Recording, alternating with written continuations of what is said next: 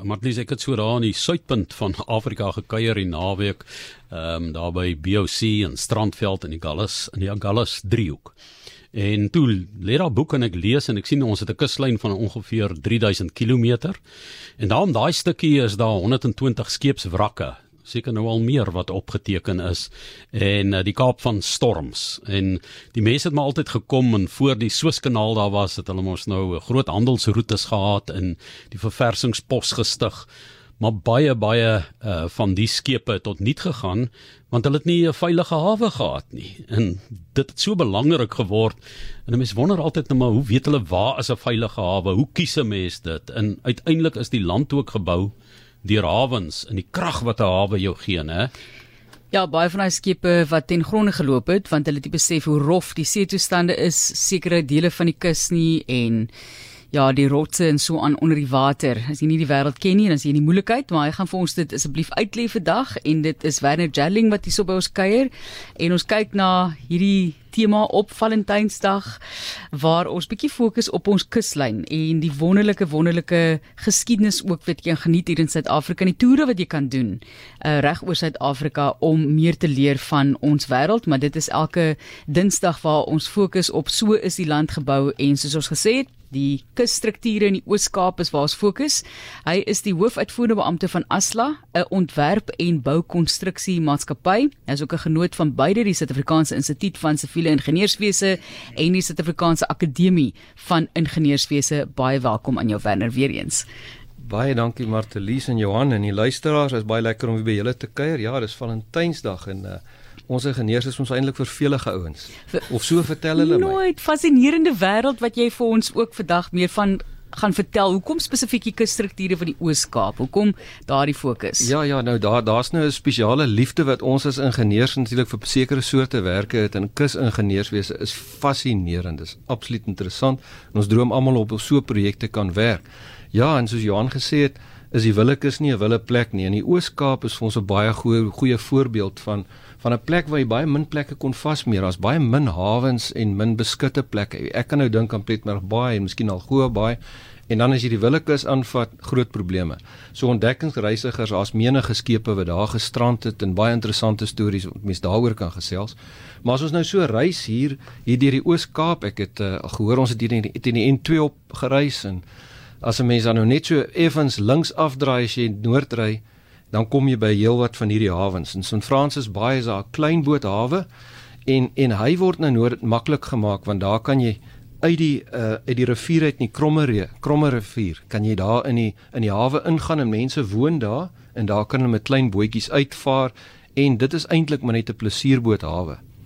Die bure reg langs aan daar by Jeffreys Bay, ons weet van die Marina Martinique wat daar gebou het en die van ons wat al daar op die kus was, sal bekend wees daarmee. Maar jy laas, daar kan jy die waters bevaar, maar jy kan nie see toe nie. Oorspronklik is die hawe ontwerp om 'n 'n 'n 'n toegang na die see te bied op so 'n manier dat jy deur dat jy deur een van die sogenaamde locks moet beweeg wat die wat die skip dan op of op of af sou laat sak.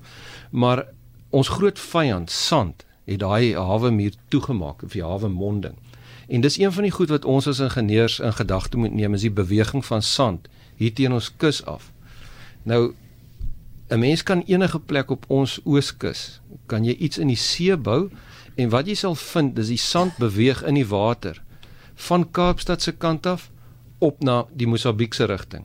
So die sand bou op aan die Kaapse kant van 'n struktuur en dit kalwe weg aan die Mosambiekse kant van die struktuur om dit nou baie eenvoudig te stel met die gevolg dat baie hawens sluk toe en dis iets wat ons as ingenieurs baie versigtig in ag moet neem as ons so hawe ontwerp spesifiek die toegang na die see en die hawe monding. Ons grootste vriend natuurlik is die natuur en ek het nou al geleer as ingenieur veg ons nie in die natuur nie ons werk saam in die natuur om om iets reg te kan kry. En so sal ons dan sien meeste van ons hawens is in oorleg met die natuur gebou. As ek besluit ek gaan nou sommer 'n gat grawe en hier gaan 'n hawe wees, gaan die natuur my vinnige les leer. Ek ek, ek wil nie sê dat jy noodwendig foute gemaak het nie, maar net op daai noot. As jy kyk na die geskiedenis, daar was baie vrae gevra oor presies waar sit Kaapstad hawe nou byvoorbeeld. Ek gebruik dit nou net as 'n voorbeeld. Wiens die uitdaging van die wind en die feit dat hulle dink aan om te skuif. Dis net maar die die dinge wat jy so hoor tussendeur. So die natuur is ook 'n groot uitdaging vir julle as ingenieurs. In inderdaad in die in die aspekte van die natuur is uit die aard van die saak soos hier in Kaapstad die wind wat hier buite lekker waai vandag. Die getye, die grootte van branders, die aan die hoeveelheid sand wat daar gaan wees en 'n 'n veilige toegang en natuurlik 'n vasmeerplek vir 'n skip voor hulle die hawe inkom is alles baie belangrik. Nou Tafelbaai is al geskiedkundig baie lank hier in die hawe is mos maar gevorm toe hulle die die land droog gelê het hier hier in die onderkant omtrent tot tot waar ons nou is. En en dit is wat die hawe gevorm het. Ehm um, ek dink dit is ook maar polities van aard oor waar so hawe moet sit en waar op die beste plek sit ja. om ook verdedigbaar te wees. Kom ons gaan terug Oos-Kaap toe. Kebega is volgende, nê? 1820 praat jy van in terme van die geskiedenis. Ja, en daar daar het natuurlik die settlers aan land gekom voordat die hawe is in in Kebega het 'n interessante hawe wat vir baie jare 'n klomp industrie bedien het. Sal ons onthou van die groot wolskure daar in wol uitvoere Ehm um, die appels wat met die appeltreintjie daar aangekom het en daar verskeep is, lemoene het potensie uit. Motors is al daar verskeep, mangaan word vandag nog daar verskeep in algemene vrag. So so Port Elizabeth se hawe en Kabega se hawe was op 'n baie belangrike plek hier teen ons kuslyn af en dit het uh, dit het toegelaat dat eh, 'n uh, stad soos daai kan ontwikkel. Ehm um, reg langsaan is daar nou al die die Kuga hawe gebou. Dis eintlik een van ons nuutste hawens, 'n pragtige lekker diep hawe. Ehm um, hawens moet natuurlik diep wees om die nuwe soort skepe te aanvaar vir al die groot uh, vraghouerskepe. En en in die hawe by Kuga is dit wel moontlik. Ehm um, daar laat dit my dink aan al die toerusting en alles wat met 'n met 'n hawe saamgaan. Jy weet daar moet 'n vas meer plek wees vir vir die sleepbote. Daar moet administrasiekantore wees. Daar moet olie en water en uh, materiale wees wat die skepe dan kan inneem voordat hulle op hulle reis verder gaan. Daar moet krane wees om die ehm um, om die uh, vraghouers af te laai en ehm um, miskien wil ons daarso silo's oprig om toerusting en en of materiale te uit te voer. So dis dit is baie interessant wat nou nodig is om so hawe. Jy praat nou daarvan ek onthou die baggerbote baie keer gehelp om die diepte te behou, maar jy wil nie eintlik daai energie gebruik nie en dan waar daar huiskrane is, is wind weer 'n baie groot faktor. Hulle kan nie werk as die wind so kwaai is nie. So al daardie hellings en natuurlike beskutting moet in ag geneem word. Presies, presies Johan en, en hier moet ons die natuur mooi verstaan. Ons doen baie metings van van hoe lyk die seebodem oor 'n lang tyd ons ons gaan anker vir ons boeye in die see oral en ons kry dan lesings daarvan wat vir ons verduidelik hoe die getye beweeg, die golftoestande, die windtoestande oor baie jare. En dit help dan die ingenieurs om te bepaal waar die beste hawe gebou kan word. En dan op die einde en dit is dit is tot baie onlangs toe het ons modelstudies gebou en dan bou ons 'n klein hawetjie tot op die punt waar ons klein dolossies bou en dit ook in die water neersit. En dan het ons 'n golftank wat golwe dan uitprojekteer op die model van 'n hawe. En ons kan dan sien hoe beweeg die sand byvoorbeeld en ons kan sien wat die golfenergie is, hoeveel golfenergie geabsorbeer word deur die beskuttingswerke wat ons om die hawe moet bou. Jy praat nou van 'n briljante stukkie Suid-Afrikaanse ingenieurswese juweel en dit is die Dollos. Ons is almal baie trots daarop. Eric Merrifield is die ingenieur wat daardeur gekrediteer daarmee gekrediteer word. Hy was die hawe-ingenieur in die ou Oos-London hawe en uh, hy het 'n tekenaar met die naam van Aubrey Creer gehad. Nou daar word vertel dat Aubrey nadat die twee die storie bespreek het, huis toe gegaan het middagete soos ons daai dae nog kon doen en met twee stukke besemstokke vir 'n dollos gebou het en teruggekom het kantoor toe en gesê dis wat jy bedoel. Gaan ons ja. dit probeer en hulle het toe gedoen. In wêreldwyd is daar dolosse en kusbeskermingswerke. Dis nou die betonstrukture wat lyk soos 'n dolos wat so opgestapel word, né, by die hawe hoofde en aan die walle en die kante.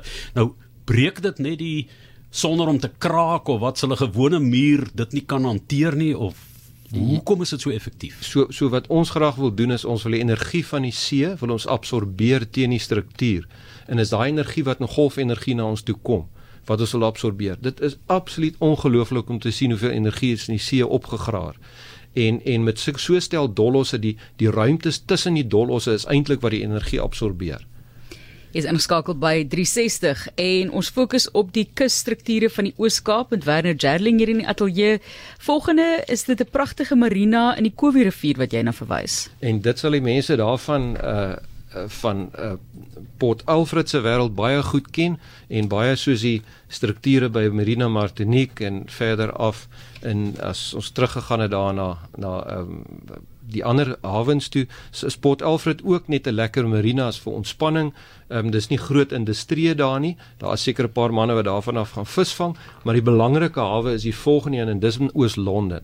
En die Oos-London se hawe is 'n juweel in Suid-Afrika se kroon. Hy's nie baie groot nie, maar hy lê in die mond van die Buffelsrivier en is 'n baie diep hawe. Is relatief diep. Dis een van die riviere wat die diepste uitmond in die see en en dit maak dit baie waardevol en daar het baie skepe in die jare al vasgemeer sonder dat daar geweldige groot hawe bouwerk moes plaasvind. In die geval van van die Oos-London se hawe is daar kusbeskerming aan die seekant en ek was betrokke by 'n projek waar ons dit gebou het en daar moes ons rotsblokke uit 'n groef gaan uithaal seker omtrent 15 km weg en die rotsblokke het tot op 8 ton elk geweg Sjoe. en dan moet hulle afgery word hawe toe en die spesifikasie het gesê dit moet 'n sekere rots wees wat 'n sekere gewig het dat hy nie rondgeswaai kan word in die water nie. En om seker te maak hy breek nie moes ons 'n sogenaamde uh, valtoets doen. En dit sou beteken dat 'n baie groot kraan of 'n 'n graafmasjien met 'n hak aan moes hierdie 8 ton blok optel vir 2.5 meter en hom dan laat val en as hy nie breek nie mag jy hom gebruik in die kaaimuur. En uh, wat nogal skrikwekkend is. As hy breek. Dis nou 'n manier van nou, toets daai. Nou, dit was absoluut angswekkend geweest. Want jy moes hom 3 keer laat val. Jo. En nou hou hy die eerste 2 keer en op die derde keer dan breek hy in twee stukke en dan moet jy nog 'n grootte gaan soek. Nou ja, ons kon die klein stukke tussen die grootes insit, maar daai daai see daar by ons Londen het vir ons spoelklippe uitgegooi uit die water uit. En daai spoelklippe is natuurlik tussen hierdie rotse van ons ingegooi. Dan moet ons eers wegvat voor ons weer ons bouwerk met die rotse kom begin doen. En natuurlik moet jy onder die water bou. Jy, jy die masjinerie wat die wat die blokke en die goeters pak daar, kan nie sien waar hulle dit pak nie. So ons werk met duikers, ons werk met met baie gesofistikeerde plasingstegnologie wat wat eh, satellietopsporings en navigasiestelsels gebruik oor presies waar ons die die die rotse moet neersit. Ek onthou baie jare gelede het ek by 'n ou wat ook so 'n ingenieurswese in opgaan Johan van Wyk gesit en hy het gepraat oor hierdie energie van die see en modelle gehad en goed toe hy gedink het 'n mens krag kan opwek uit die see met die getye en die goed maar dit is nog nie heeltemal in Suid-Afrika uh, jy weet verder ja, gevoer nie né Ja ek ek in Suid-Afrika nie want ek dink die see is net te rof hierso. In plekke soos Skotland het hulle dit al in plek en in baie riviermondings waar daar groter getywisseling is. So die die verskil tussen hoog en laag gety kan party plekke 7 tot 10 meter wees. Nou as daar so groot getywisseling is, vloei daar 'n geweldige hoeveelheid water uit die riviermonding uit en weer terug in as die gety terugkom. En dan sit hulle 'n turbine in daai stroomwater en daai turbine lyk nie ek kan nie sê hy lyk soos 'n windturbine nie, maar hy werk op dieselfde beginsel. Hy hy hy draai 'n lem wat 'n wat 'n generator draai wat dan energie opwek. Wat ons almal mee sukkel is is hoe beskerm jy daai daai opwekkingstoerusting teen die kragte van die natuur met korrosie en met geweldige storms byvoorbeeld. En wat daar's radkaste en sulke goed binne in hierdie hierdie stukke masjinerie. So die die konsep is duidelik. Ons weet presies hoeveel energie ons kan opwek, maar hoe hoe hoe hoe hoe harnas ons dit ja. behoorlik. Maar nog nie onmoontlik nie, né? Glad nie onmoontlik nie. Dis en, definitief iets in die toekoms. En dan net laastens, waarvoor staan dit vandag Port St John se rigting waarmee ons afsluit? Ai, die Mzumvubu rivier wat 'n pragtige deel van die land en die luisteraars wat nog nie daar was nie, moet nou regtig nie skrik nie. Een van die dae is daai N2 van Port Edward af onder toe tot in Port St Johns gebou en dan gaan dit sommer maklik om soontoe te gaan. Nou by die Mzimbubu rivier mond was daar vir jare lank 'n vasmeer plek en hierdie klein skepies wat so teen die kus afgekom het, het daar kom vasmeer en het daar um, goedere en mense aan land gebring en en weer weggeneem hier teen 1940 toe raak dit vir hulle net te erg van daai riviermonding spoel dan en wan maar 'n bietjie toe en dan kan groter skepe nie daar inkom nie. So dit het in onbruik verval, maar wat 'n wonderlike plek en wat 'n wonderlike rivier wat daar in die see uitmond. Wanneer Jilling wat sy liefde op Valentynsdag vir hawens kom verklaar het.